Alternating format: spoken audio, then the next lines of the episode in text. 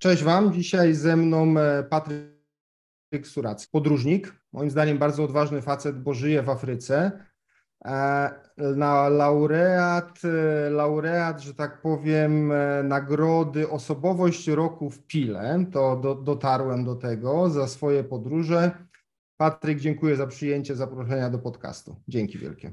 E, cześć, to ja bardzo dziękuję e, za to zaproszenie. Jeżeli chodzi o laureata, to muszę Cię poprawić. E, byłem nominowany, ale, ale tej osobowości roku nie zdobyłem, co nie zmienia faktu, że było mi oczywiście niezmiernie miło, że to w rodzinnym mieście w jakiś sposób niedoceniono. Tak, tak, dobrze, masz rację, przepraszam, faktycznie dotarłem do tego, że byłeś nominowany, nawet oglądałem filmik promujący Twoją nominację i tak naprawdę bardzo mnie zaciekawiło, nie dotarłem do wielu materiałów o tobie, ale to, co mnie tak skłoniło do, do tego, żeby z tobą porozmawiać, to powiem tak z góry. Ja byłem w Egipcie kilkanaście razy, przejeździłem tam na nurkowanie, natomiast nigdy nie widziałem tego Egiptu takiego, który, który ty pokazujesz. E, I takie pierwsze pytanie, które mi się na życie w Egipcie, takim twoim, tym Egipcie, takim, no nie tym turystycznym, ale tym takim prawdziwym Egipcie, ono wymaga potężnej pewności siebie, czy raczej szaleńczej odwagi? E, ja przede wszystkim daleki jestem od tego, żeby, e, żeby gdzieś mieć szaleńczą odwagę. Wiele osób mówi mi o ranę, ale ty jesteś e, odważny, że podróżujesz po Afryce, tak? No bo Egipt to tylko miejsce aktualnego mojego miejsca zamieszkania, natomiast gdzieś tam Afrykę zwiedzam, staram się zwiedzać i podróżować szerzej. Mhm. W Egipcie najczęściej spędzam po prostu zimę, bo, bo nie lubię tych listopadowych, październikowych wieczorów w Polsce. Natomiast już skupiając się na konkretnych konkretnej odpowiedzi Twojego pytania. E, nie, ja ani nie jestem jakoś specjalnie odważny, e, ani nie jestem szaleńczo odważny. Wręcz bym powiedział, że mm, zawsze miałem siebie za raczej takiego troszeczkę e, strach, raczej za strachliwą osobę. Natomiast myślę, że wszystko wynika z kwestii zebranego doświadczenia i wiedzy, bowiem bardzo ludzie, często ludzie mylą mylą spostrzeżenia. My, my, wydaje im się, że jeżeli coś jest dla nich nieznane, to znaczy, że jest to niebezpieczne i się tego boją. Bardzo często strach to po prostu niewiedza.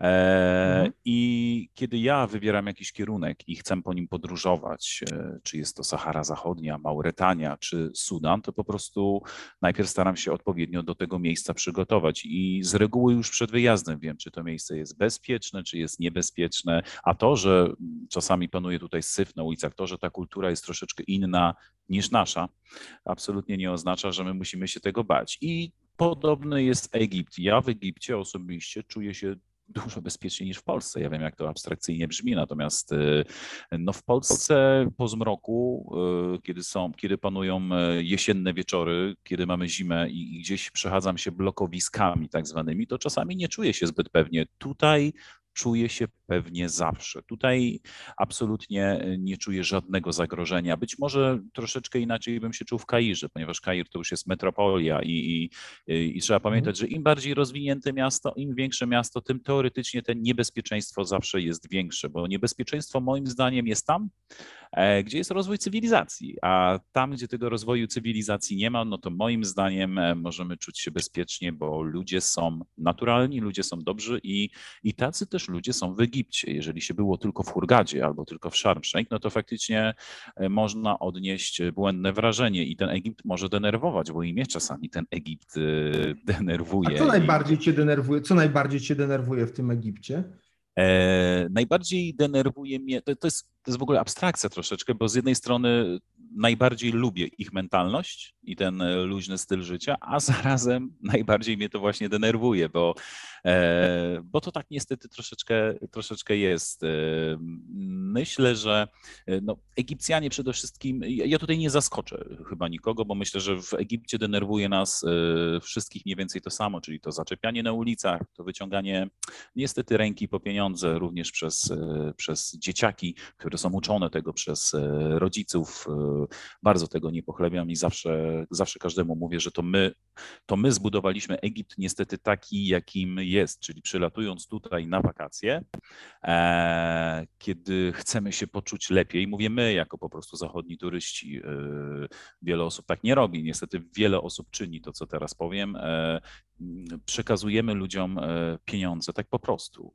Ja tutaj nie mówię o dawaniu pieniędzy jako na piwo, jak, jako na mhm. piwki w restauracjach. Natomiast y, no, ludzie gdzieś e, wyciągają te ręce po pieniądze, dzieciaki wyciągają ręce po pieniądze, a my te pieniądze im przekazujemy i to jest, żeby się poczuć lepiej, żeby się poczuć, że przyjechaliśmy z, z Europy i, i, i nie wiem, i mamy te pieniądze, żeby im te pieniądze dać. Przecież my ich nie uratujemy, my w żaden sposób im nie pomożemy. My w żaden sposób e, nie dajemy im wędki, tylko dajemy im każdego dnia kolejną rybę i, oni, i uzależniamy ich od siebie, bo, bo oni widzą w tym potencjał i zamiast się rozwijać, zanim, zamiast samemu kombinować, jak tutaj e, no, zdobyć po prostu pieniądze, utrzymać rodzinę, no to oni wyciągają coraz więcej rąk e, po pieniądze. Także no to mnie denerwuje, natomiast zdaję sobie sprawę, że jest to troszeczkę nasza wina i, no jestem akurat tą osobą konserwatywną, która zawsze mm, e, idzie pod prąd.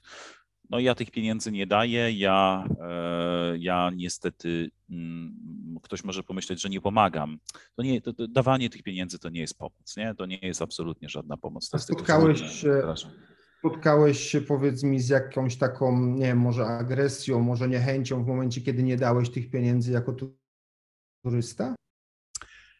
E, musiałbym głęboko sięgnąć pamięcią do mojej głowy. Myślę, że były gdzieś takie sytuacje pewnie. Może agresja to zbyt duże słowo, bo e, zero-jedynkowo odpowiadając na to pytanie, pewnie z agresją się nie spotkałem. E, natomiast z niezadowoleniem i pewnie jakimś e, takim e, słowami, które pewnie nie były zbyt przychylne w moim kierunku, zapewne tak. Natomiast agresja nie, nie, nie, nie przypominam sobie niczego takiego, e, więc tutaj muszę, muszę powiedzieć, że po, po analizie agresji na pewno nie było, ale nieprzychylne spojrzenia i pewnie nieprzychylne słownictwo raz po raz mogło się zdarzyć. Nie wiem, czy koniecznie w Egipcie akurat, bo tutaj rozmawiamy stricte w tym momencie o Egipcie, natomiast e, mhm. tak po prostu podczas podróży pewnie gdzieś takie sytuacje delikatne się zdarzyły. Powiedz mi, e, powiedziałeś taką fajną rzecz, że boimy się tego, czego nie znamy. Z drugiej strony, jeżeli nie chcemy, nie odważymy się, żeby czegoś poznać, to tak naprawdę jesteśmy w takim zamkniętym kole, bo zawsze nam zostaje albo Sopot, albo Zakopane, prawda? No bo, bo tam sobie damy radę. Jak, jak kogoś przekonać? Wiesz, ja też jestem w takiej sytuacji, że dwa lata temu wyjechałem z Polski do, na Bali, mieszkam na Bali i spotykam się często z pytaniami różnymi, ale chciałbym zobaczyć Twoją odpowiedź. Jak przekonać kogoś, kto właśnie tak powiedział, że a, on to pojedzie, nie wiem, do, do Dąbek albo do Sopotu, bo tam to złotówki angielskiego nie trzeba i on tam sobie poradzi, zamiast pojem do, do, do Afryki, tak? Jak przekonać kogoś takiego? Znaczy ja myślę, że nieprzekonanego się nie przekona, bo, bo mhm. wiesz to, jak jakby od razu odpowiadając y, troszeczkę skrótem e, na Twoje pytanie, później za chwilę je rozwinę. E, znam takie osoby, które na przykład, załóżmy, wróciłem, e, wróciłem z Gwinei-Bissau i, i, informacje, które można znaleźć o tym kraju są, że tam jest przestępczość, kartele narkotykowe, zabijają prezydenta i tak dalej, i tak dalej. I ja wróciłem z tego kraju. Uważam, że to jest ultra bezpieczny kraj, ultra fantastyczny kraj i, i, i absolutnie nie można, e, ani razu nie czułem się tam e, zagrożony. Ale co z tego, skoro ja wróciłem z tego kraju i mierzę się z tym, że każdy, który mnie pyta o Gwinea-Bissau, mówi, nie, no co ty, Patryk, tam jest przecież niebezpiecznie, co ty, nie, przestań, przecież czytałem. No okej, okay, on czytał, a ja byłem, e, więc e, jeżeli e, ja, osoba, która tam była i, i, i przyjeżdża ze świeżymi informacjami, mm, informuję, że ten kraj jest naprawdę fajnym krajem, nawet pod względem mhm. turystycznym, a osoba, która nigdy tam nie była, tylko przeczytała sobie e, na MSZ informacje że, że, że ten kraj jest niebezpieczny, próbuje, próbuje mm, obalić moje teorie, więc nie, niezdecydowanego e, czy nieprzekonanego moim zdaniem z reguły się nie przekona. Trzeba chcieć poznawać e, świat, no bo jeżeli będziemy się opierali tylko na słowie pisanym, no to jest to troszeczkę bez sensu, więc e, już tak odpowiadając stricte na twoje pytanie, jak przekonać ewentualną osobę, ja myślę, że jeżeli osoba jest, ma otwarty umysł, to przede wszystkim będzie słuchała, no bo myślę, że największym problemem aktualnie ludzi jest to, że ludzie nie chcą słuchać. Wielu ludzi chce tylko mówić, a nikt nie chce słuchać. Zawsze ma wrażenie, że jest najmądrzejszy i jego racja jest y, jedyną racją. Ja mogę ci tylko powiedzieć, że aktualnie ze mną w Egipcie przybywa, e, przybywa moja dziewczyna e, i aktualnie przybywają również moi rodzice, ponieważ w zeszłym roku zimą odwiedzili mnie. E, bardzo im się spodobało. Byli właśnie, okazało się, że oni mają otwarty umysł, czego nie byłem taki przekonany, czy im się tu w Egipcie spodoba, a się okazało, że oni mm, są chętni i przyjechali tutaj na dwa miesiące. Wynajęłem im mieszkanie, czyli to pokazuje, że, że jeśli ma się otwarty umysł i chce się poznawać, a nie tylko zamykać e, przed nowymi doznaniami, no to, e, to myślę, że każdy kierunek e, może być naprawdę ciekawy, również Egipt. A jeżeli się siedzi tylko w hotelowych rezortach i się troszeczkę boi wyjść na ulicę, bo, bo jest tutaj inaczej, no to takiego nieprzekonanego się już raczej nie przekona. Ja na przykład nagrywam dużo materiałów, gdzie pokazuję jak jest, pokazuję co z czego wynika, a potrafią się pojawiać komentarze ludzi, którzy kompletnie tego nie rozumieją i dalej będą trzymali swoją teorię, bo oni tutaj już raz byli przez tydzień czasu i oni wiedzą. E, no to ja nie zamierzam ich w ogóle przekonywać. Po prostu każdy ma swoje spojrzenie na świat. E, być może po prostu ich kierunkiem powinien być Sopot i tyle. No, też jest to, wiesz, jak mieszkasz, e, że tak powiem, we Wrocławiu i musisz pociągiem do Sopotu dojechać, no to też jest jakaś wycieczka, powiedzmy, tak? To, Oczywiście. Tak szczerze mówiąc. Ale dobra, powiedz mi tak. E, mm, skupmy się na może nie na Egipcie, ale tak bardziej na Afryce. E, pamiętasz swoją pierwszą, pierwszy wyjazd do Afryki? To wszystko zależy, co będziemy nazywali. Znaczy, pierwszy wyjazd to pojechałem, e, mając chyba tam 19 lat, na wycieczkę All Inclusive do Tunezji, więc e, co by nie mówić, ale nie rozumiem. O, o, o Inclusive, taka wiesz, taka wycieczka, gdzie sam sobie musiałeś coś zorganizować, gdzie było zależne od ciebie, tak? Taki, taka wycieczka, taki wiesz, trip twój prawdziwy, nie, nie, nie All Inclusive. Oczywiście tak, tak jak, jak, najbardziej pamiętam i przemierzałem wtedy Afrykę Zachodnią i to była trasa, o której zawsze marzyłem. E. Tutaj troszeczkę e, sam jestem na siebie zły z racji tego, że nie pamiętam, czyj to był pamiętnik. To był pamiętnik w formie bloga, gdzieś e, jakieś 17-20 lat temu, pierwsze początki internetu w naszym kraju i gdzieś ktoś założył bloga i, i, opisał trasę przemierzaną przez Afrykę Zachodnią. Ja po prostu siedząc chyba w gimnazjum wtedy pochłonięty byłem e, tą podróżą i wtedy już sobie pomyślałem, że mówię, wow, to by było coś absolutnie wspaniałego, żeby, żeby przeżyć taką przygodę. Oczywiście wychowałem się też na filmach pana Wojtka Cejrowskiego, filmy podróżnicze, no to wiadomo, e, tematyka, tak. która najbardziej mnie inspirowała. No i pewnego dnia pomyślałem sobie, że warto zacząć te marzenia spełniać. Oczywiście wcześniej były inne wyjazdy, niekoniecznie czułem się na siłach, żeby tą Afrykę Zachodnią od samego początku zrealizować, ale wiedziałem zawsze, że to gdzieś jest mój plan najważniejszy, czyli takie spełnienie podróżnicze marzenia, bo Afryka Zachodnia, czyli Afryka Zachodnia zaczyna się już za, w zasadzie od Sahary Zachodniej, która należy terytorialnie do, e, do Maroko, choć, e, choć tak naprawdę ona sama uznaje się za osobne, za osobne państwo. E, to nie jest nie wiadomo jak daleko, co nie znaczy, mhm. że, że to nie może być podróż życia. I przemierzałem wtedy Maroko, Saharę Zachodnią, Mauretanię, Senegal, Gambię oraz Gwinę Bisał i, i, i, to było dla mnie naprawdę podróżnicze spełnienie marzeń, bo, okay. bo, bo, są rzeczy, które czytałem gdzieś 20 lat temu właśnie w formie bloga, takiego pamiętnika u jednej z osób, które przykro mi niestety nie pamiętam jej imienia i nazwiska eee, i, i to było coś, co absolutnie spowodowało, odmieniło moje życie. Ja muszę powiedzieć, że ta podróż e, odmieniła moje życie, bo miałem zupełnie inne spojrzenie na świat. Powiedziałeś jeszcze na początku, że nie byłeś na początku gotowy na, na tą podróż, że, że jeszcze, jeszcze coś brakowało. Co było, co było tym, co cię hamowało i kiedy to, że tak powiem, przełamałeś, to już sobie powiedziałeś, OK, teraz lecę, tak, teraz jadę. To jest dobre pytanie, bo myślę, że możemy wrócić teraz do tego, jak przekonać nieprzekonanego do tego, żeby przyjechał chociażby do Egiptu. E, myślę, że mhm. nasze y, doznania, e, nasze, to jak odbieramy świat, to jest też kwestia naszych doświadczeń, ponieważ e, jednemu się coś może podobać, a drugiemu niekoniecznie. Ktoś musi się bać w jakimś miejscu, a ktoś inny niekoniecznie, dlatego że suma naszych przeżyć, suma naszych doświadczeń powoduje, że odbieramy świat e, już według swojej specyfikacji, a nie mhm. tej narzuconej przez e, inne osoby.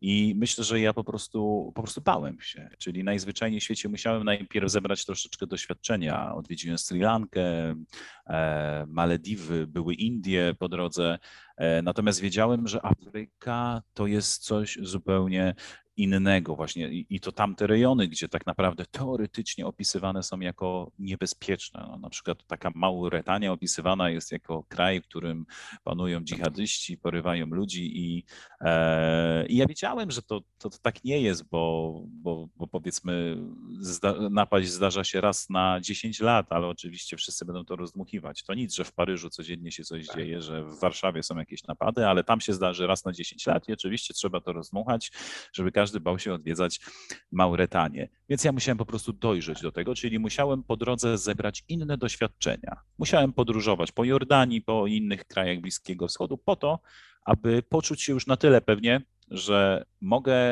wsiąść w cudzysłowie w ten pociąg przez Afrykę e, Zachodnią. I gdybym od razu poleciał e, w tamto miejsce, przypuszczam, żeby mnie zniszczyło po prostu, że, że, że ja byłbym przerażony, bo, okay. bo nie miałbym zebranego doświadczenia. Byłbym tak samo przerażony, jak ci niektórzy turyści, którzy przylatują do Hurgady na All Inclusive i wyjdą na Sheraton Street, na główną ulicę tutaj i zobaczą, że ciężko jest przejść przez ulicę, że wszyscy wyciągają ręce po pieniądze, że każdy ich do czegoś nakłania i mówią nigdy więcej Egiptu, a, a, po prostu to trzeba w pewnym momencie trzeba zebrać jakieś doświadczenia, żeby już wiedzieć, że to absolutnie niczego nie, nie oznacza. A powiedz mi, kolejnym takim elementem, gdzie ludzie mówią, że a nie polecę, bo nie znam języka, tak? Bo, bo ja, ja czasami się spotykam tutaj z ludźmi, którzy do, do mnie przylatują, to, to pierwsze co, to właśnie, a język, tam mówią po angielsku, to wiesz, no, tu mówią, bo to jest wyspa, wyspa turystyczna, ale jak to wygląda w Afryce na przykład, tak? Ja, ja nie mówię o tych kurortach, bo tam też piąte przez dziesiąte mówią, wiem, natomiast na tych ulicach takich, gdzie się mieszka. Zerowy. Angielski jest zerowy. E, co więcej, ja w ogóle muszę powiedzieć, że mój angielski też nie jest jakiś wybitny specjalnie, więc y, do tych wszystkich, którzy boją się podróżować po świecie bez znajomości języka, no to ja jestem dobrym przykładem, że, że no okej, okay, no powiedzmy ostatnimi czasy troszeczkę sobie powiedzmy, chociaż trochę podreperowałem ten język, o ile tak to można nazwać, bo myślę, że jest to mhm. nadużycie. To też nie jest tak, że ja nie umiem e, rozmawiać w żaden sposób po angielsku, bo oczywiście dogadać się też jak najbardziej się dogadam, natomiast ja nigdy nie miałem angielskiego w szkole, ja e, powiedzmy angielski, który znam, to znam gdzieś tam z filmów, e, z, z czasów jeszcze gier kiedyś, jak się było e, nastolatkiem. E, I, i, I muszę powiedzieć, że język nie jest tutaj absolutnie żadną przeszkodą, to jest tylko wymówka, bo zawsze można znaleźć sobie wymówkę, no bo jakby szukanie wymówek jest, ludzie są mistrzami świata w szukaniu wymówek, no bo każdy, każdemu zawsze jest łatwo powiedzieć, kurczę, wyjechałbym sobie na te trzy miesiące czy cztery miesiące na zimę do Egiptu, ale nie mogę, bo na przykład mam kwiaty, które trzeba utrzymywać w mieszkaniu. Słyszałem i takie wymówki. E, wymówki są mm, po prostu czasami e, naszą puentą do, do, do tego, żeby czegoś nie robić. E, natomiast podróżując po Afryce, angielski w wielu miejscach jest bezużyteczny, bo jeżeli na przykład trafiłem na wioskę Wadi Halfa. Jest to malutka wioseczka w Sudanie, malutka mieścinka. No, miasto to może za duże słowo, ale taka, taka wioseczka. Oni, dla nich to już jest pewnie miasto. E, mhm. no i oni tam nie oglądają, nie mają tam telewizji w zasadzie. Prądu tam e, też bardzo często nie widać. Są to miejsca, gdzie nie ogląda się amerykańskich, amerykańskich filmów, więc nie ma skąd chwycić tego języka angielskiego, pomimo że Sudan to była kolonia brytyjska gdzieś tam dawno, dawno temu. Tak. No to jednak E, oni tego angielskiego nie potrafią w ogóle i, i czasami dogadać się, że chcemy kupić wodę, czy, czy chcemy kupić chleb, to jest po prostu abstrakcja. E, takie proste rzeczy potrafią e, stanąć na drodze, ale no, trzeba się po prostu uśmiechnąć, wejść za ladę, chwycić co, co, co potrzebujemy i, i nie jest to jakiś największy problem. Myślę, że podczas podróżowania sztuką jest nasza zaradność po prostu, no bo no, dam kolejny raz przykład na przykład mojego taty, bo ja myślę, że ja swego rodzaju zaradność mam po nim. Mój tata nie umie języka angielskiego, natomiast e, gdziekolwiek e, go nie wrzucimy, na przykład w Egipt, no to on też zawsze się dogada, pomimo tego, że nie umie kompletnie języka angielskiego. Kiedyś e, była taka historia, że zatrzymało mu się auto na autostradzie w drodze do Polski i to było w Holandii. Zatrzymało się auto, zabrakło benzyny i po prostu na autostradach możemy zadzwonić. Są takie budki, z których można zadzwonić i wezwać pomoc. I pamiętam, że on wezwał pomoc w taki sposób: benzin stop, auto kaput. No ale każdy, każdy zrozumiał o co chodzi, tak? I o to chodzi, że trzeba czasami po prostu przyjąć ich formę e, komunikacji. Czyli jeżeli ktoś nie umie języka angielskiego, tam gdzie jedziemy, jeżeli my na przykład nie jesteśmy mistrzami w języku francuskim, a w wielu krajach e, Afryki mówi się w języku francuskim, no to może warto po prostu, e, jeżeli nie jesteśmy przygotowani z podstaw francuskiego, zacząć rozmawiać właśnie w taki sposób, który jest językiem ogólnoświatowym. Myślę, że wszędzie można sobie poradzić i brak znajomości języka to tylko kolejna wymówka przed przygodą życia. Tak, czyli, czyli ma, mamy kolejną wymówkę, brak języka, e, kwiaty pozostawione w domu, czasami kot e, przeszkadza. Kolejna Zgadza wymówka. Się. A powiedz mi, bo tak mm, zaciekawiło mnie to, tak naprawdę opowiedziałeś mi, dlaczego Afryka, bo ten blok e, wpłynął na ciebie tam naście lat temu. Natomiast gdybyś dzisiaj miał przerzucić kontynent, to Azja, Ameryka, Australia? E, gdybym miał przerzucić kontynent, to jest bardzo dobre pytanie, bo y, jeszcze nie zamierzam tego robić. E, mhm. Najpierw odpowiem, dlaczego nie zamierzam tego robić, a zaraz powiem, jaki to byłby kontynent, jeśli już zacznę to robić. Nie zamierzam tego robić z racji tego, że mm, jestem przygotowany na Afrykę, przygotowany od kilku lat. Mam dosyć dużą znajomość, e, zarówno geograficzną, jak i historyczną. Chciałbym jeszcze troszeczkę ponagrywać w Afryce i mam wrażenie, że muszę zrobić ją całą poznać ją, e, no całą to może trochę za duże słowo, ale po prostu poznać ją z każdej strony, żeby, żeby móc e, poczuć się spełnionym i dopiero wtedy e, przerzucić się na inny kontynent. No jakoś tak mam, że jak się troszeczkę wczepię w, jeden, w jedno miejsce, to chcę je poznać bardzo mocno. Afryka jest niesamowicie zróżnicowana, zarówno geograficznie, pogodowo, historycznie, no, kulturowo. No to jest po prostu dla mnie fenomenalny kontynent. E, więc dlatego na razie nie zamierzam się przerzucać. E, jeśli się przerzucę, Myślę, że zacznę znowuż bardziej odkrywać Azję. E, chciałbym jeszcze raz polecieć do Indii i odkryć te Indie troszeczkę, troszeczkę inaczej na bazie tego doświadczenia, które mam, bo, bo gdzieś to doświadczenie zebrałem po latach i myślę, że jestem w stanie odkryć Indię jeszcze lepiej niż to miało miejsce do tej pory, ponieważ zrozumiałem mm, jaki błąd popełniłem w Indiach. Wtedy, wtedy chciałem zjechać Indię dookoła. Zrobiłem to, ale każde miejsce poznałem tak troszeczkę po troszku. No, liznąłem po prostu, nie oszukujmy się. Oczywiście wróciłem pełen wrażeń. E, wszędzie było inaczej. Każda część Indii jest po prostu fenomenalna. Byłem też na Andamanach, które e, geograficznie są bliżej Birmy, a terytorialnie należą już e, jeszcze do Indii. E, gdzie mamy e, dzikie plemiona. E, Sentitielczycy, jeśli dobrze pamiętam, żyją tam. Nie wiem, pewnie słyszałeś. Tak. Jest, taki, jest taka wyspa, na której żyją plemiona, które nigdy nie miały jakiegoś specjalnego kontaktu ze światem zewnętrznym i, i, i w zasadzie kto próbuje się do nich dostać, ginie. No to ja byłem tam 30 kilometrów od nich.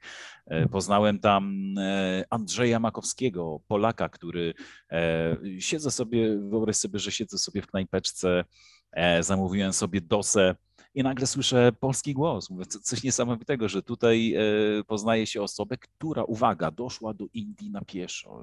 To jest absolutny, absolutny fenomen, niesamowita osoba, bardzo inspirująca, bardzo dużo spokoju wprowadziła do mojego mhm. życia. Też powiedziała mi, co jest ważne, co jest nieważne, czym się przejmować, czym się nie przejmować.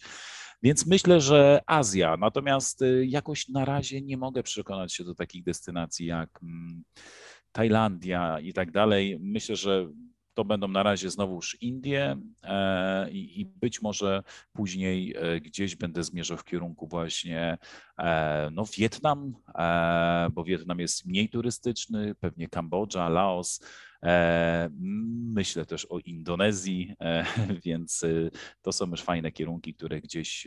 Tajlandia jest jakaś za bardzo turystyczna dla mnie, żeby mnie to rajcowało, bo ja mam niestety, niestety albo stety mam tak, że im coś jest bardziej znane, im więcej ludzi gdzieś było, tym ja to pomijam, bo już, bo już mnie to nie... Tak, no bo to zależy kto po co jedzie do danego kraju, tak? Jak ktoś jedzie wypoczywać, no to Tajlandia faktycznie, jak ktoś jedzie w inne uciechy, tak? Łącznie z tym, że od czerwca jest na przykład marihuana dozwolona w, w Tajlandii, e, to, to się jedzie tam, tak? Natomiast e, Bali też jest bardzo znane, natomiast e, ja mam przyjaciół, którzy byli, przylecieli do mnie w czerwcu tego roku, roku, wcześniej trzy razy.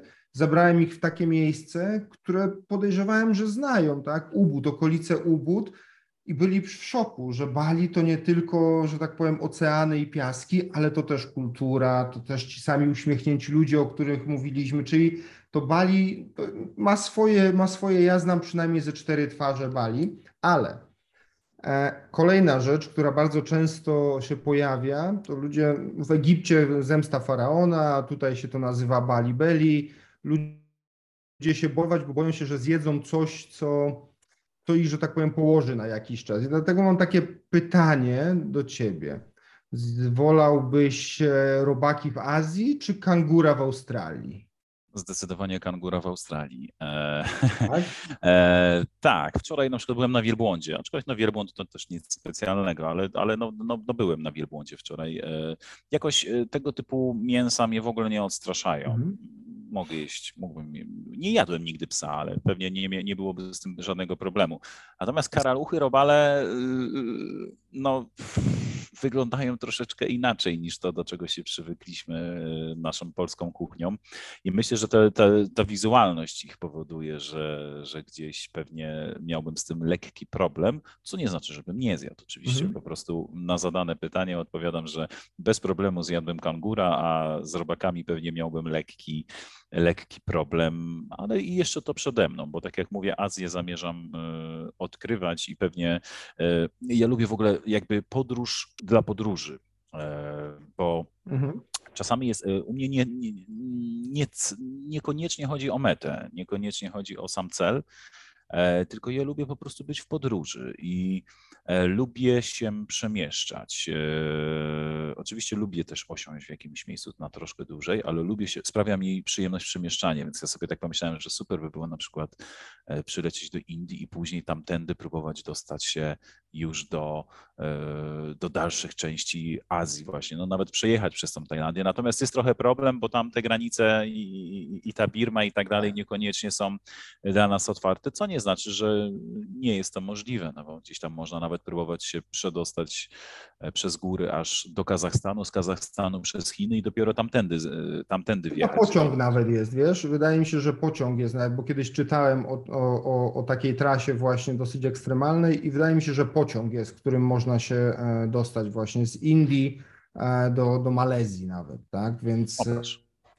to całkowicie jest taki, taki łuczek, no nie wiem, to pewno ze trzy tygodnie by się jechało, ze dwa na pewno, ale to, to może być ekstremalne. I tutaj, no dobra, ale jak już tak e, widziałem tak, taką minę i uśmiech na Twojej twarzy, jak zacząłeś mówić o tej podróży z Indii, o podróżowaniu dla podróżowania, to taka podróż marzeń.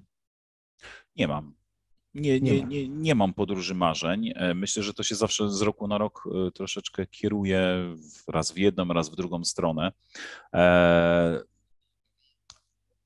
Być może nie mam, bo bo być może aktualnie y, troszeczkę bałem się aż tak daleko marzyć, bo to też się wszystko y, zmienia. Czasami nie ma się marzeń, bo się boi marzyć. Nie? To jest mhm. takie fundamentalne. Ja bardzo często mówię ludziom, że że trzeba mieć marzenia w życiu, bo bez marzeń nasze życie jest moim zdaniem bez sensu, no bo nie można żyć tylko dla życia, tylko po to, żeby, nie wiem, pracować, zarobić pieniądze, odbyć kolejny dzień. To jest absolutnie, no nie wyobrażam sobie takiego życia, a jakby zbyt wiele szczęścia w życiu już zaznałem i to nie chodzi mi o szczęście materialne, bo dla mnie szczęście materialne nie istnieje, to jest chwilowe, to wyleczyłem mhm. się ze szczęścia materialnego.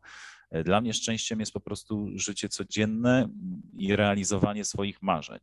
Na pytanie, czy mam podróż marzeń, nie mam. Moją podróżą marzeń dawno temu była Afryka Zachodnia, którą dosyć y, już jakiś czas temu udało mi się zrealizować e, i nie pojawiła się żadna inna podróż marzeń, co nie znaczy, że nie pojawiają się kolejne podróże, które chciałbym no tak. E, zrobić. E, boję się troszeczkę, że takiej podróży marzeń jako marzeń może, może nic takiego się już nie wydarzy, że, że coś będzie moim aż tak wielkim marzeniem, no bo jednak e, ta dopamina, którą do siebie dostarczamy, te, te, te rzeczy, które gdzieś e, już przeżyliśmy, powodują, że coraz mniej nas cieszy. Jest to trochę brutalne, bo, mhm. bo no wiesz, to jest tak, jak ty mieszkasz, ty mieszkasz na Bali, e, no zazdroszczę ci tego. E, nie, mm. natomiast mówiąc zazdroszczę, to sobie myślę, a czemu ja tego nie zrobiłem? Przecież ja też mogę to zrobić i zamiast zazdrościć, po prostu ułożyć życie pod to, żeby zamieszkać na Bali.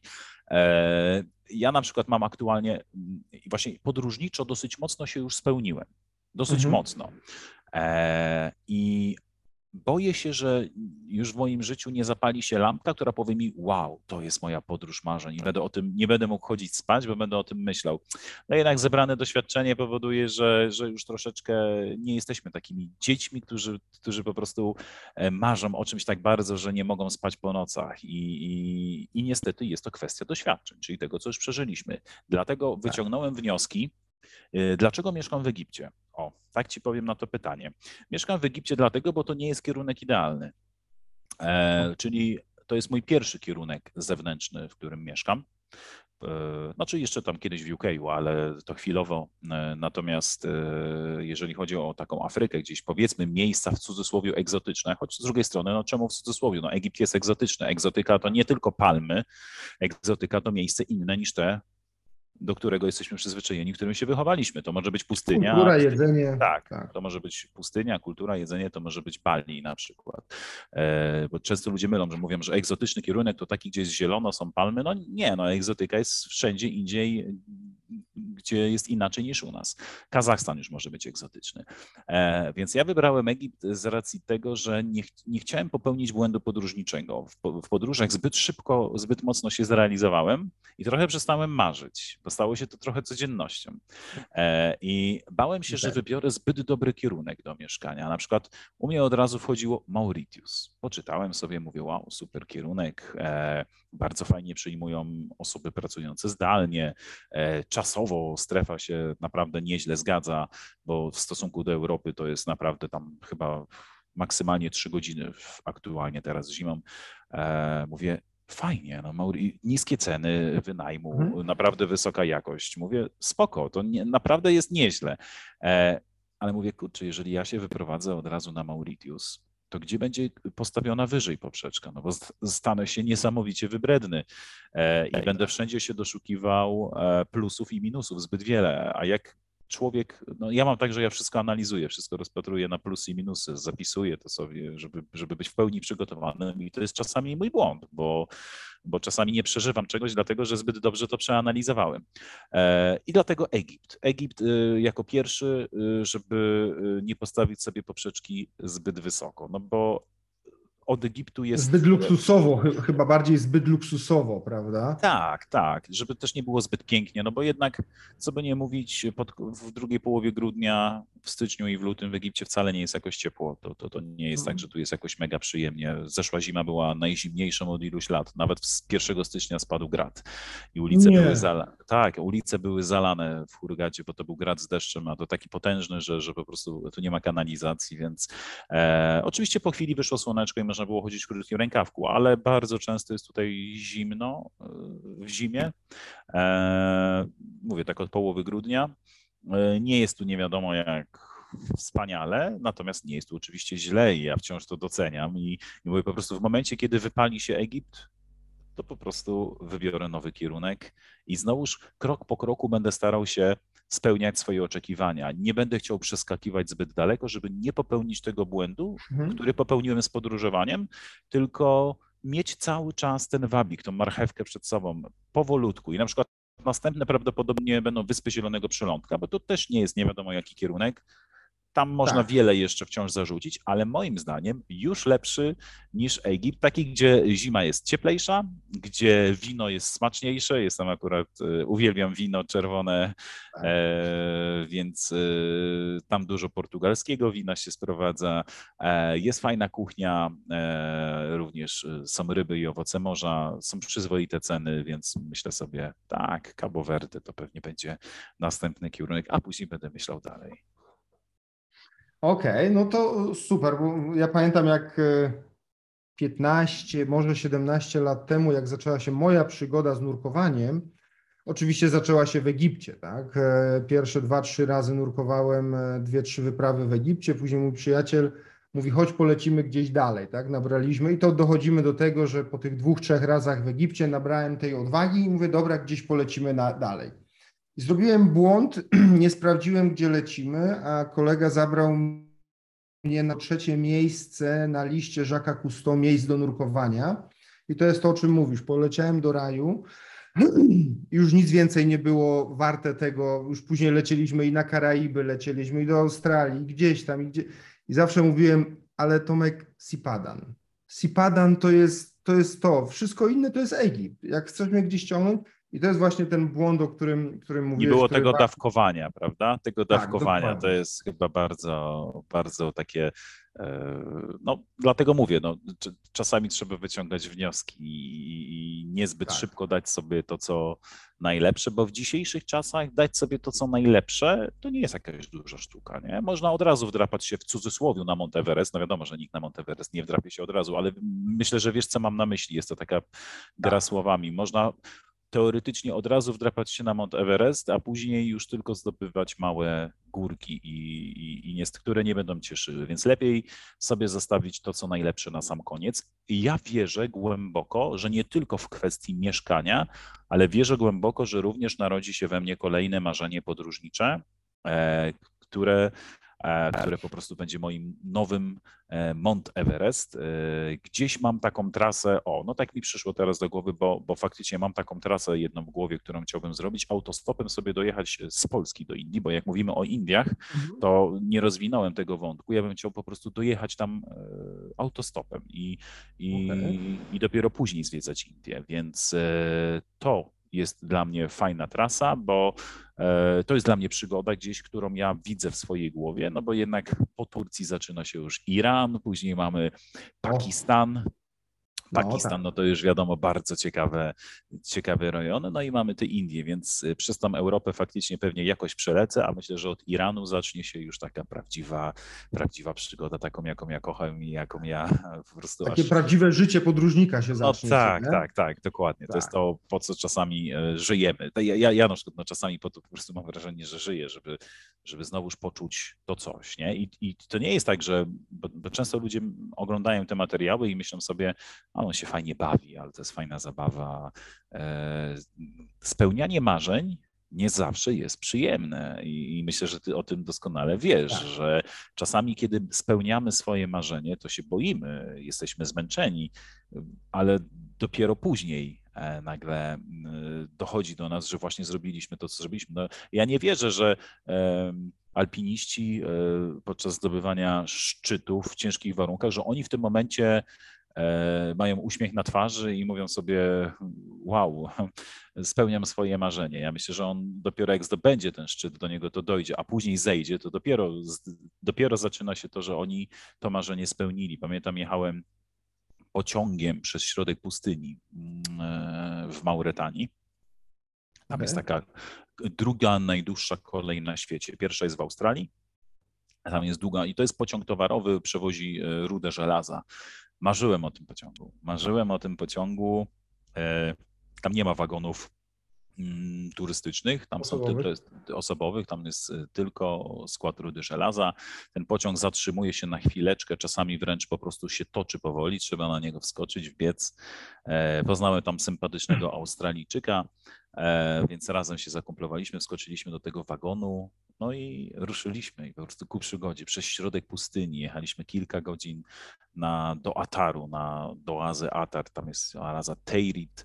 E, niesamowite przeżycie i kiedy zaszło słońce, bo gdzieś koło 16 ten pociąg ruszył, kiedy zaszło słońce i zrobiło się e, przenikliwie zimno. No ja miałem kurtkę założoną, mój kolega nie, ale no nie było jak się podzielić. E, no, czapkę zimową, e, okulary przeciwsłoneczne, nie ze względu na słońce, bo już była noc, tylko ze względu na to, że ten e, pył pustynny wdara, wdzierał się w każde, w mhm. każde mhm. miejsce naszego ciała. Było tak przenikliwie zimno, bo temperatura spadła do około 3-4 stopni, natomiast no, jadąc przez środek pustyni, to naprawdę odczuwalna jest o wiele niższa. No to jak ja tak sobie jechałem w tym pociągu, to sobie myślałem, czy ja naprawdę o tym marzyłem? Czy, czy, czy to było moje marzenie? E, oczywiście to nie było tak, że miałem nie wiadomo jakie wątpliwości w tym momencie, ale e, fakt e, jakby trudów podróży spowodował, że ja to dopiero doceniłem tak na maksa, znaczy doceniłem na maksa na początku, jak ruszyła kolej i jeszcze było ciepło, a jeszcze bardziej doceniłem, nie wiem, tydzień, dwa tygodnie później, kiedy po prostu wspominałem o tym, mówię, czy ja naprawdę tam byłem, to się aż wydaje tak. takie nie do uwierzenia, że to się naprawdę wydarzyło. A to tak jak w szkole, nie? Czasami e, mamy tych takich nauczycieli, którzy najwięcej od nas wymagali, byli e, najbardziej tacy e, no, ciężcy, no to ich wspominamy najczęściej po latach najlepiej, nie? A, I to jest tak samo. Takich myślę, miałkich się nie wspomina, się nawet Oczywiście. nie pamięta, jak to ta osoba miała na nazwisko, ale wiesz co powiedziałeś, fajną że powiedziałeś znów o tym mm, stanowieniu się, czy ja na pewno tego chciałem, czy na pewno to było moje marzenie. Mam takie pytanie, czy miałeś kiedyś taką sytuację, że planowałeś coś? Już praktycznie miałeś wszystko rozpisane, rozrysowane i krok przed e, startem powiedziałeś nie, jeszcze nie, albo nie, to jest za niebezpieczne, albo nie, nie jestem gotowy na to? Nie miałem. E, nie miałem czegoś takiego z racji tego, że no jednak dosyć szczegółowo dobieram swoje kierunki, mhm. więc e, myślę, że pewne kierunki po prostu odrzucam bardzo szybko, czyli e, na dany moment odrzucam bardzo szybko, czyli to nie jest tak, że ja to planuję i już jestem przed dzień wylotu i nagle, nagle mówię nie, E, nie przekraczam aż tak swoich granic, czyli jeżeli jakiś kierunek już na początku uważam, że to jeszcze nie to, to go od razu odkładam do tej półeczki na później, a przyglądam się trzem, czterem kierunkom, które wiem, że mogą być na tak już teraz. Więc no myślę, że jestem dosyć dobrze przygotowany do wyjazdów. To też powoduje, że nie boję się, bo tak jak mówię, strach to często niewiedza. Ludzie myślą, e, że nie mają wiedzy na temat danego kierunku i myślą sobie, to jest szaleniec, nie? że on tam jedzie. A ja mam wiedzę na ten kierunek i mówię, to nie jest szaleństwo. Nie? Na przykład ostatnio sobie czytałem troszeczkę o Bagdadzie, e, czyli o Iraku.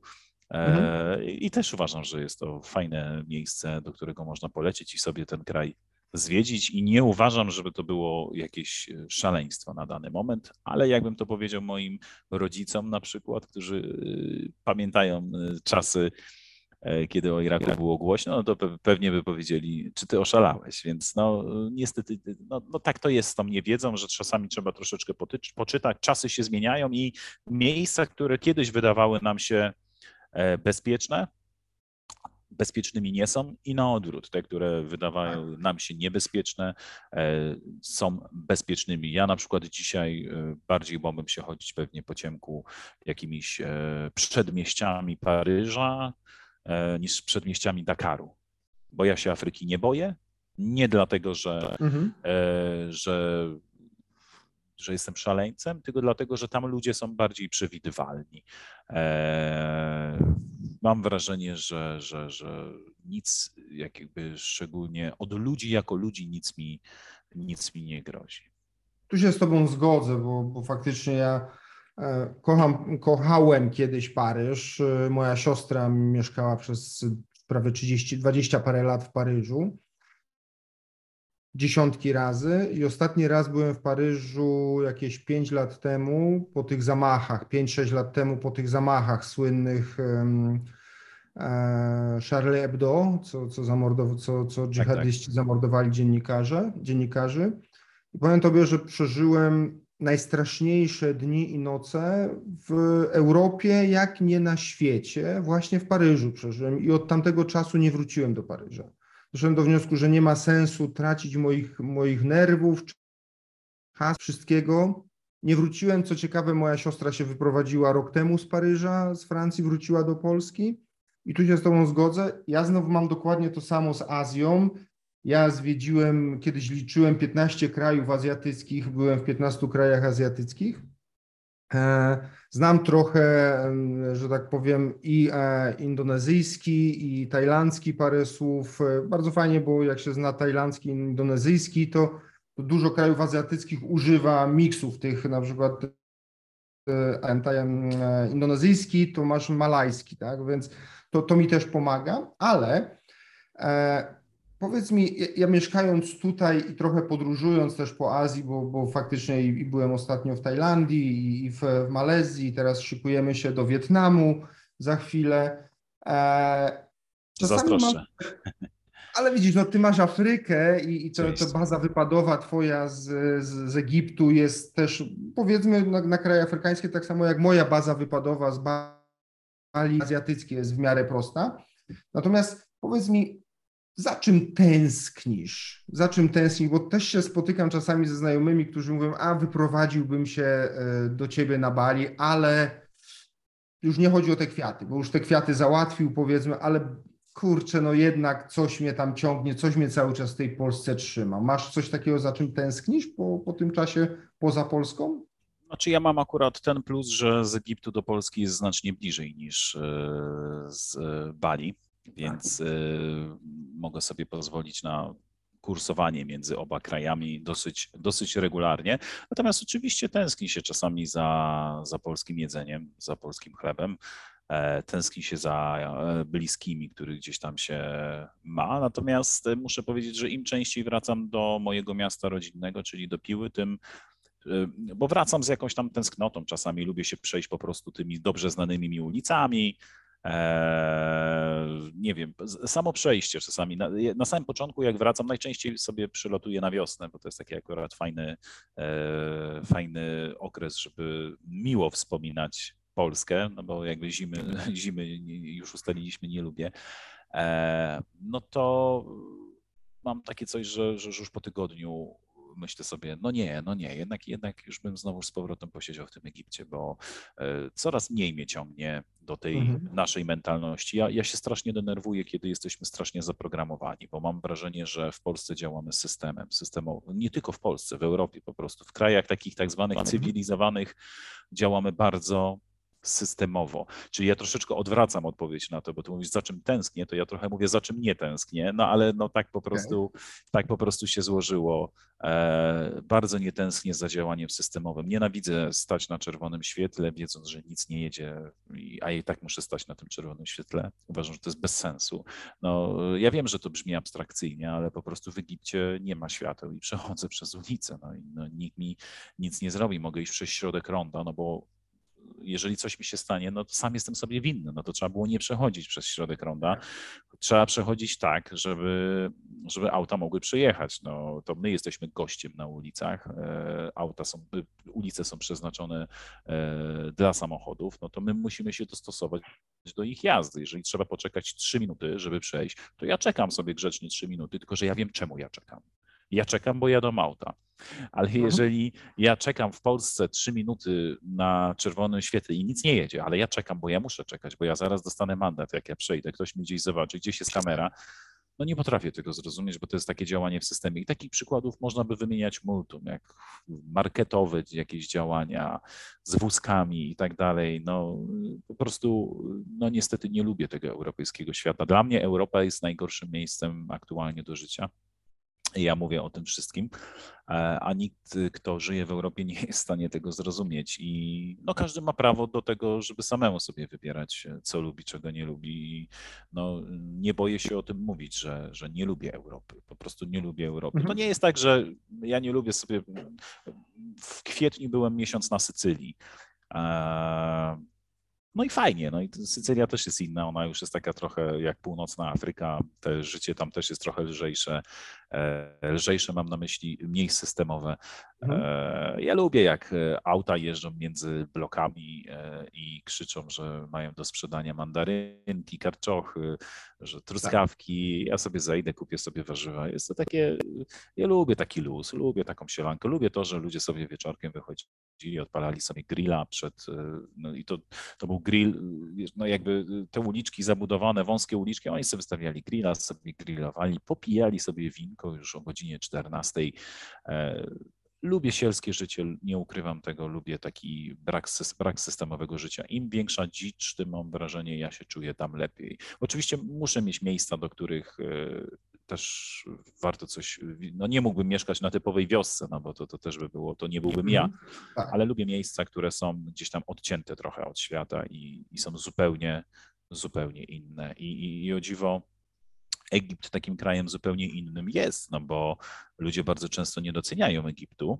To nie jest tak, że ja będę Mhm. mówił o Egipcie w samych superlatywach, zresztą sam widzisz, że tak nie jest, ale e, bardzo ludzie często marzą o dalekich podróżach. Gdzieś tam nawet mi piszą w komentarzach, wow, ale ci zazdroszczę, e, też chciałbym zobaczyć, chciałabym zobaczyć takie miejsca. Po czym lecą na wakacje all inclusive do Egiptu i boją się wyjść z hotelu, bo jeszcze narzekają, jeszcze mówią, jak tu brzydko, jaki tu syf, jaki ten Egipt jest brzydki. No to ja wtedy zadaję pytanie, no to ja nie wiem, to po co tu, po co tu się przyleciało? No ja, to jest yy, ignorancja do danego kierunku, no bo... Czy nie, to wiesz, powiedziałeś, że jednym ze sportów narodowych Polaków jest to, że wymyślamy sobie powody, żeby gdzieś nie polecieć. Drugim, moim zdaniem, chyba nawet pierwszym sportem Narzekanie? narodowym jest na, narzekanie. My, my potrafimy na wszystko narzekać, bo jest za gorąco, jest za zimno w grudniu, bo nie daj Boże w listopadzie pada, a w maju nie ma deszczu i narzekamy na wszystko. Że było jasne. I ja tutaj mam akurat takiego przyjaciela, e, który mieszka tu prawie 20 lat i on no, jeszcze daje radę, e, przyciąga wycieczki głównie Polaków, zajmuje się turystyką tutaj, organizuje wycieczki Polakom. I właśnie on też mówi, że Polacy jak przyjadą, to ja zresztą też to miałem pierwsze miesiące, musiałem się przystosować, bo tutaj czasami jest tak, to co powiedziałeś, jak na z domu albo wyjeżdżam z domu i normalnie do sklepu jadę w prawo, ale wyjeżdżam dzisiaj i w prawo się nie da, bo ulica jest zamknięta, bo oni mają święto, cała wioska się zebrała, tak? Ładnie są naubierani, grają, tańczą, jedzą i albo możesz się na to wkurwiać tak naprawdę, albo usiąść z nimi, albo pojechać w lewo, tak? Dokładnie. No masz Dokładnie. opcję. To, to tylko od ciebie zależy, czy będziesz stał i na nich klął, czy usiądziesz z nimi, zaakceptujesz to, albo powie, oni cię przyjmą, usiądź, zjedz z nami i tak dalej. Natomiast to od nas zależy, to, to tak samo powiedziałeś. Natomiast e, powiedziałeś też o, o tym Egipcie, o miejscach, a ciekawi mnie, czy masz takie miejsce, do którego uwielbiasz w Afryce wracać i czasami wracasz i czasami ci brakuje tego. Ja na Bali mam takie miejsce, do którego co jakiś czas muszę po prostu wrócić, bo brakuje mi tego widoku, miejsca i tak dalej. Musiałbym się głębiej zastanowić nad tym pytaniem, bo e, jestem troszkę osobą, która z perspektywy czasu i przemieszczania się rzadko kiedy zostawia część e, siebie w Mhm. danym miejscu, jeżeli można to tak troszeczkę taką metaforą e, użyć i, i, i chyba nie przywiązuje się za bardzo do danych miejsc. E, Nie wiem, czy jest to ze względów mojego bezpieczeństwa, czy, czy, czy nie potrafię odpowiedzieć na to pytanie, natomiast nie, wiem, czy mam takie miejsce mm, w Afryce, do którego koniecznie chciałbym, y, do którego czuję, że muszę, może inaczej. Miejsce, do którego chciałbym wrócić, myślę, że jest wiele. Myślę, że jest Mhm. wiele. Natomiast miejsc, do których wracam, e, bo czuję taką potrzebę, aktualnie aktualnie nie mam. No, można powiedzieć, że wracam do Egiptu, no bo nawet okay, jak polecę tak. odwiedzić Polskę, to wracam do Egiptu, więc teoretycznie można by powiedzieć, że to jest takie miejsce, do którego czuję potrzebę powrotu, ale też zdaję sobie sprawę już, e, że, że, że powoli gdzieś ta kultura arabska mi się zaczyna przejadać i tak jak byłem zafascynowany kulturą arabską, tak po prostu po dwóch mm. latach stwierdzam, że mm, troszeczkę mi się przejada i czas, czas chyba pożyć troszeczkę w innej kulturze, bo, bo no, to już w jakiś sposób znam, w jakiś znam jej plusy, znam jej minusy i, i, i, chyba po prostu e, czas przenieść się w inne miejsce i gdzieś to już mi kiełkuje dosyć mocno w głowie, że pewnie jest to ostatni sezon zimowy spędzony, e, spędzony w Egipcie i, i myślę, że sobie na wiosnę przylecę do Polski, po czym zacznę planować nowy kierunek, ale coś mi się przypomniało, bo zadałeś mi pytanie, co mnie najbardziej irytuje tutaj. I podczas mhm. E, e, Twojego opowiadania w skręcie w lewo i skręcie w prawo, że trasa została zablokowana, miałem taką sytuację mm, i to całkiem niedawno, bo to było jakieś półtorej miesiąca temu. Zmieniłem mieszkanie. Miałem, miałem obiecany internet, że w tym mieszkaniu będzie internet. No oczywiście przeprowadziłem się, okazało się, że jeszcze nie ma, ale spokojnie Jutro ten internet będzie, wszystko załatwimy. E, właściciel mieszkania musi tylko coś podpisać. No i tak minął jeden dzień, drugi dzień, trzeci dzień. No musiałem zaopatrzyć się w internet mobilny oczywiście, czyli po prostu no, doładowałem sobie mój telefon i sobie puszczałem, z niego sobie robiłem Wi-Fi. No i tak co trzy dni nowa wymówka. Co trzy dni, a dzisiaj nie pracujemy, bo dzisiaj jest piątek. No to wiadomo. W sobotę od razu po piątku też nie wiadomo, czy to zrobią, bo i tak dalej, i tak dalej. Wyobraź sobie, że zakładanie internetu zajęło tutaj 5,5 tygodnia. 5,5 tygodnia podłączenie, przyniesienie routera tak naprawdę i podłączenie tego. Za każdym razem coś się wydarzyło. Raz już podłączyli, to, to mówią, że 24 godziny aktywacji. Minęły 72 godziny. Przyszedł gościu, sprawdził, no, chyba coś było źle podłączone, jeszcze raz, kolejne godziny. To, jest, to była abstrakcja. To naprawdę muszę powiedzieć, że byłem tak wściekły w pewnym momencie, że ja już po prostu, ja im mówiłem wprost, wiecie co, ja mam wrażenie, że ja nigdy nie będę miał tego internetu, więc nawet mnie, nie próbujcie mnie już tutaj robić w bambuko, że ten internet kiedykolwiek będzie. No i nagle pięknego, słonecznego poranka, nagle ten internet się pojawił i, i, i jednak go mam. Także gdybym żył polską mentalnością, to przypuszczam, że już po tygodniu czasu zrobiłbym niesamowitą awanturę i nie wiem, zrezygnował z mieszkania, e, mówił, że Egipcjanie nie nadają się do niczego, stwierdził, że tutaj nie można żyć, nie można pracować. No nie, Moja mentalność jest inna. Oczywiście ja nie twierdzę, że ja się nie zdenerwowałem, bo przypuszczam, że ty kilkukrotnie też się zdenerwowałeś i pomyślałeś sobie, no nie, no to, co tam robią, jest nielogiczne. Jak można myśleć nielogicznie? Tutaj też czasami myślą nielogicznie, ale czasami po prostu trzeba przymknąć na to oko. I jest jeszcze jedna rzecz, która mnie tutaj denerwuje, to, to że oni myślą tylko tu i teraz. I dam tak. dobry przykład, e, kiedy, kiedy no, wiedzą, że jestem rezydentem i otwiera się nowy lokal i, i, i wiem, że ktoś kupuje sobie na przykład e, piwko za 30 funtów, a mi rzucają 70 tylko dlatego, że jestem Europejczykiem, no to no ja nie jestem głupi, no zdaję sobie sprawę, że właśnie, właśnie chcieli mnie oszukać i oni chcieli mnie oszukać i zarobić na mnie tu i teraz, bo ich interesuje więcej 40 funtów teraz, a nie interesuje ich to, że ja mógłbym być ich klientem i na przykład przyjść zjeść e, obiad, zjeść e, śniadanie, zjeść kolację przez kolejne dni, bo w końcu tutaj mieszkam. Nie. Oni chcą mnie po prostu brzydko powiedzieć, orżnąć tu i teraz. Nie myślą na przyszłość, że może lepiej się dogadać i, i mieć stałego klienta. Więc no, to jest akurat przykład tylko z zakupami, z zakupami ale, ale takich przykładów tu jest e, naprawdę na co dzień bardzo, bardzo wiele, że myślą tylko. No tylko Tutaj jest dokładnie tak samo, słuchaj, jak, e, jak się idzie na bazar warzywa kupić, tak? Jak ja, jak ja chodziłem sam, no to za te same warzywa, nie wiem, płaciłem 100 tysięcy rupii, była moja dziewczyna kupowała to samo, płaciła 50 tysięcy rupii, tylko dlatego, że ja już trochę znam indonezyjski, to płaciłem 100 tysięcy, jak poszła moja córka, to zapłaciła prawie 200 tysięcy, prawda, bo ona już była totalnie turystką, tak? Więc, więc to wiesz, to, tutaj tak samo to działa. Oni mają taki fokus bardzo, e, taki światopogląd mają, tak jak powiedziałeś, tu i teraz e, wąski, ale e, powiedziałeś też o życiu w systemie, który trochę cię irytuje, tak, ten europejski system. To takie nasze nawyki, które, e, które najlepiej widać chyba w Stanach, ten wyścig szczurów i te nawyki korporacyjne, nie wiem, kolejny iPhone, kolejny, nie wiem, samochód, kolejne coś tam nowszy po trzech latach. Ile potrzebowałeś czasu, bo powiedziałeś już na początku, że rzeczy materialnych trochę się wyzbyłeś. Ile potrzebowałeś czasu, żeby ten swój punkt widzenia materialny przerzucić, że, że te rzeczy materialne nie mają takiego wielkiego znaczenia? Kiedy te nawyki wypleniłeś z siebie? Wiesz co, no powiem tak po prostu zero-jedynkowo na to pytanie. Ja mam 35 lat. I myślę, że tych nawyków wyzbyłem się koło 30. E, wyzbyłem się w momencie, w którym e, powiedzmy, w cudzysłowie oczywiście, weźmy to pod duży cudzysłów, coś tam mhm. udało mi się już zrobić, e, bo, bo ja, też, ja też goniłem. Ja też mhm. goniłem. Goniłem za lepszą pracą, goniłem za pieniędzmi, miałem swoją działalność gospodarczą. Byłem również kiedyś, założyłem klub futsalowy, byłem prezesem klubu i, i awansowaliśmy do pierwszej ligi, więc to też było jedno z moich marzeń. Spełniłem to swoje marzenie E, I, I, no były takie rzeczy, za którymi ja, ja, ja, byłem osobą, która bardzo goniła, bardzo, bardzo goniła. Myślę, że u mnie to dosyć rodzinne, e, niestety. Mówię niestety, bo to nie jest nic dobrego, ostatecznie stwierdziłem.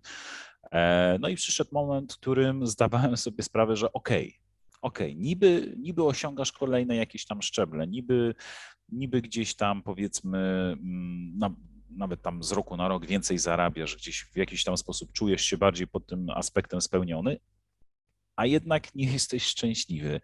I, i, yy, i gdzieś bardziej postawiłem na te podróże, bo podróżowałem od zawsze, ale to była bardziej taka, znaczy od zawsze, no powiedzmy, że podróżowałem już od dłuższego, dłuższego czasu, ale to były takie podróże mniejsze. E, I, i postawiłem jednak, i, i, zawsze wiedziałem, że wracałem z nich niesamowicie szczęśliwy. A po którejś podróży, i to była właśnie ta podróż przez Afrykę Zachodnią, mhm. e, spełnienie moich podróżniczych marzeń.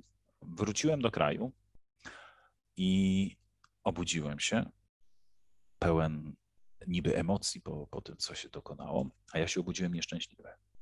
Obudziłem się nieszczęśliwy, bo spojrzałem, mówię, właśnie wstaję, zaparzam sobie kawę, robię sobie śniadanie, za chwilę wsiadam do samochodu, jadę 20 kilometrów do mojej pracy, po czym wrócę,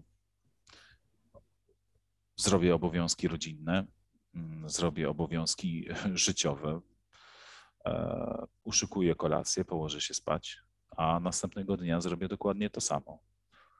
I, I wtedy zdałem sobie sprawę, że mówię, nie chcę, żeby moje życie tak wyglądało, bo, bo po prostu ja przed chwilą miałem dwa miesiące życia, mhm. prawdziwego życia, Zobaczyłem, co to znaczy naprawdę żyć. Zobaczyłem, co to znaczy e, poczuć szczęście życia. Szczęście życia. Nikt, już mi nikt tego nie zabierze, że ja to szczęście życia poczułem. I nagle wracam i, i nic się nie zmieniło. To tak po prostu troszeczkę jak takie uderzenie w twarz, że no okej, okay, no przeżyłeś szczęście życia, przeżyłeś przygodę życia, a teraz zapraszamy do codzienności i, i co najwyżej możesz czekać kolejny rok na to, żeby znowuż przeżyć jakąś przygodę. I wtedy zrozumiałem, to jest, to jest nie dla mnie. Muszę coś zmienić w swoim życiu i, i krok po kroku delikatnie zacząłem e, te zmiany przechodzić. One nie zawsze były zrozumiałe przez ludzi bliskich mi, nie zawsze były zrozumiane przez rodzinę i tak dalej, bo, bo niestety no, każdy ma inne doświadczenia. Każdy zbiera inne doświadczenia. Inne podejście do życia, dokładnie. To, dokładnie. To, to, powoduje, że ja też byłem niezrozumiały, bo no, miałem bardzo podobną, troszeczkę starszy jestem, E, starszy, ale też miałem taką sytuację, że, że, już miałem dosyć tego po prostu. Kochałem podróże, bo ja mimo wszystko starałem się dwa razy w roku gdzieś polecieć, tak? Gdzieś, gdzieś to nie mam na myśli Sopotu, żeby była jasność, tak? Tylko tak, tak. gdzieś na, na koniec świata, tak? Zawsze ten koniec świata gdzieś tam prze, prze, przenosiłem dalej, ciągałem za sobą córki moje, do tej pory je ciągam, żeby pokazać im świat. Ja zawsze mówiłem, tak ty powiedziałeś, że miałeś taką powiedzmy mikrodepresję po tym pierwszym dniu i uświadomieniu sobie będzie kolejny taki sam dzień. To ja zawsze mówiłem, że jak dwie osoby skoczą do rzeki i złamią kręgosłup. Jedna była bardzo bogata, a druga zwiedziła świat. To ta, która zwiedziła świat, zawsze przyciągnie dzieci, wnuki swoimi opowieściami, a ta, która jest bogata, on, wnuki będą leciały do niej tylko po kasę. I tyle. I ja zawsze mówię, ja leżąc na tym e, sparaliżowany na, na, na, na łóżku albo jeżdżący na, na wózku, zawsze chciałem mieć te historie do dnia, bo, bo tą pasją, tymi wspomnieniami w najgorszych chwilach swojego życia zawsze możesz przełamać swoją mm, no, utratę pewności siebie. I, I dochodzimy do tego, o czym ja zawsze mówię, że otwartość, tak, e, pewność siebie to jest to, co kiedyś może dać tobie, że w chwili załamania sobie przypomniesz, kurde, blane, no, no dzieje się strasznie, no ale ja pamiętam, jak ja byłem w Myanmar, gdzie naprawdę było niebezpiecznie, bo, bo czerwoni kmale i wpadliśmy w taką nieciekawą, nieciekawe, nieciekawe, że tak powiem, regiony mia- stolicy i jakoś stamtąd wyszliśmy. Jakoś człowiek dał radę, no to kurde, z tego nie dam radę wyjść i, i to jest właśnie coś, co Zawsze mówię, że te podróże otwierają oczy, ale tylko ludziom inteligentnym. Zgadzam się z Tobą. Jesteśmy coraz mądrzejsi, coraz silniejsi e, po takich doświadczeniach i no, ja wiem, że podróże mnie zmieniły jako człowieka, bo ja w ogóle zupełnie inaczej patrzę na ludzi, zupełnie inaczej patrzę na, na, na świat. Zupełnie, zupełnie. Nie idzie tego w ogóle komuś przekazać, bo, bo nie można, doświadczeń nie można przekazać. Nie? Są, tak. Często się mówi, uczmy się na czyichś błędach, i okej, okay, są sytuacje życiowe, których możemy się nauczyć na czyichś błędach. Możemy podglądać nawet swoich rodziców i zobaczyć, jakie gdzieś kiedyś ktoś popełnił błędy, drobne, mniejsze, większe. Możemy uczyć się od innych, ale są rzeczy, które musimy przeżyć sami, żebyśmy naprawdę wiedzieli, co to znaczy, bo czasami przeczytany cytat w wieku, nie wiem, 25 lat będzie wydawało nam, wydaje nam się, że go rozumiemy, a potem przeczytamy sobie ten sam cytat w wieku 35 lat, po 10 latach doświadczeń, podróżowania, tak. życia i tak dalej, i nagle okazuje się, że my w ogóle nie rozumieliśmy jego puenty i w ogóle nie rozumieliśmy, co autor miał do powiedzenia. I ja sobie w ogóle czasami zapisuję takie rzeczy. Mhm. Gdzieś tam mam swoje takie już teraz rzadziej, ale miałem takie swoje pamiętniki, gdzie swoje jakieś takie przemyślenia zapisywałem i wracałem do tego i czasami moja interpretacja po iluś latach była zupełnie inna i inne spojrzenie. A są ludzie, którzy przez te 10 lat nie zrobili nic w tym aspekcie. I dla nich ten cytat albo to słowo zawsze będzie tylko dokładnie tym e, słowem. I, i ja przestałem się już e, trochę muszę powiedzieć, że przestaję rozmawiać z ludźmi. Jest to niestety troszeczkę. Hmm. Jest to ciężkie, bo, bo czuję się, muszę powiedzieć szczerze, czuję się najczęściej niezrozumiały. E, to nie znaczy, że nie rozumie mnie nikt, to nie znaczy, że ja się czuję lepszy. Absolutnie nie o to mi chodzi. Ale dosłownym tłumaczeniu czuję się bardzo często nierozumianym, bo z kimkolwiek nie rozmawiam, no to mam zupełnie inne spojrzenie na świat, to raz, e, a dwa, no przestałem dać się w ogóle podpuszczać e, pod jakieś dyskusje, bo nie widzę sensu tłumaczenia ludziom, którzy nie chcą czegoś zrozumieć. Jeżeli ktoś nie chce czegoś zrozumieć, ja nie zamierzam w ogóle wchodzić w polemikę i, polemikę i mówić, jak jak jest. Ważne, żebyśmy my mhm. mieli swoje własne przeżycie, swoje własne doświadczenia i swoją własną wiedzę. Nie, nie zależy mi na tym, żeby komuś żeby kogoś uświadomić w tym, jak jest. No bo co ja mam, ja, ja, ja nie mam nic do zyskania, że wejdę z kimś w dyskusję, bo jeżeli nie będzie chciał mnie zrozumieć, tak mnie nie zrozumie. Nie mam nic do zyskania i, i troszeczkę zamykam się na ludzi. Niestety jest to takie coś, że e, na bazie naszych doświadczeń i tego, co przeżyliśmy, jeżeli no, jeżeli myślę, że możemy sobie powiedzieć, wiesz, no, no jak coś, jesteśmy jakimiś tam osobami w miarę inteligentnymi, no to często zamykamy się na ludzi, bo po prostu stajemy się introwertykami. Ja też jestem Ja zauważyłem, zauważyłem bardzo podobne, ale powiem Ci, że zauważyłem to zjawisko głównie z Polakami. Zamknął, znaczy może nie, że ja się zamknąłem, bo ja jestem bardzo ekstrawertykiem, bardzo otwartą osobą, ale zauważyłem, że wielu znajomych od kiedy mieszkam tutaj, odcięło mnie od siebie i, i widzę to, czuję, jest to i wiem dlaczego, tak? Bo, bo ja żyję, a oni mają marzenia, Oczywiście. prawda? I natomiast karają ciebie, że... ciebie karają za to, że nie mogą. No to jest bardzo, to jest w ogóle, przepraszam, że wszedłem ci w słowo, jakby też nie lubię, jak ktoś mi przerywa, a sam ci wszedłem w słowo. Natomiast to jest karanie ciebie za to, że ty żyjesz życiem, o którym oni czasami nawet bali się marzyć. Wyobraź to sobie. Są ludzie, którzy bali się marzyć, bali się nawet marzyć o tym, tak. że można tak żyć. To jest tak, jak ja mówię, że czasami nie przychodzi mi e, jakaś podróż nowa, bo być może boję się zamarzyć aż takiej i takiej podróży, ale pewnie przyjdzie moment, w którym przestanę się bać. I bardzo ludzie często boją się marzyć o tym, co ty już przeżyłeś i masz za sobą. Tak. E, ludzie boją się marzyć o tym, co ja mam za sobą i karają mnie za to, e, umniejszają temu, co się zrobiło i tak dalej, i tak dalej. Nie? Przepraszam, tak, że się słowa. Nie, nie, nie. No, fajnie, że, że mamy te same odczucia, bo jednak, jednak to też niestety pokazuje, że jestem Polakiem. No, noszę w cudzysłowie orła na, na piersi e, i, i na 99% nigdy nie oddam polskiego paszportu. Ostatnio się dowiedziałem, że to jest trzeci, trzeci co do wartości podróżniczej paszport Słyszałem na świecie. Byłem w ciężkim szoku. Paszport ale Unii Europejskiej, nie? Tak, dokładnie. Więc, y, więc tak, natomiast widzę, jakim zaściankowym i małostkowym krajem jest Polska dzisiaj i, i Polacy, kurczę. I to od prawa do lewa przez centrum, co by nie powiedzieć, jesteśmy jako Polacy strasznie zaściankowi i dopiero mieszkając tutaj widzę, jak, jak jestem zły na siebie, że wyjechałem dwa lata temu, a nie dziesięć lat temu. Naprawdę. Jest, byłem, byłem tak wkurzony na siebie jakiś czas temu, że wyjechałem dwa lata temu, a nie dziesięć lat temu, bo może dzięki temu miałbym więcej ciemnych włosów, a nie siwych, y, może inne rzeczy by się zdarzyły, ale Okej, okay. słuchaj, powiedz mi, e, tak powoli kończąc, mam jedno pytanie e, takie mm, stricto do ciebie na koniec, ale przed końcem. Powiedz mi, e, nawyki, które miałeś w Polsce, a które w ten sposób straci, znaczy odrzuciłeś od siebie, przeprowadzając się do Egiptu, ale nawyki, które wzbogaciły Twoje życie, Twoją codzienność. A tam dzisiaj wiesz, że w Polsce one były pewnego rodzaju granicami, ograniczeniami. Przestałem się denerwować. Przestałem się denerwować. Po prostu widzę, że chyba masz to samo, co? Bo to jest, to jest jakby klucz moim zdaniem do szczęścia, nie? Jakby przestać się irytować na rzeczy, na które się nie ma wpływu, to raz.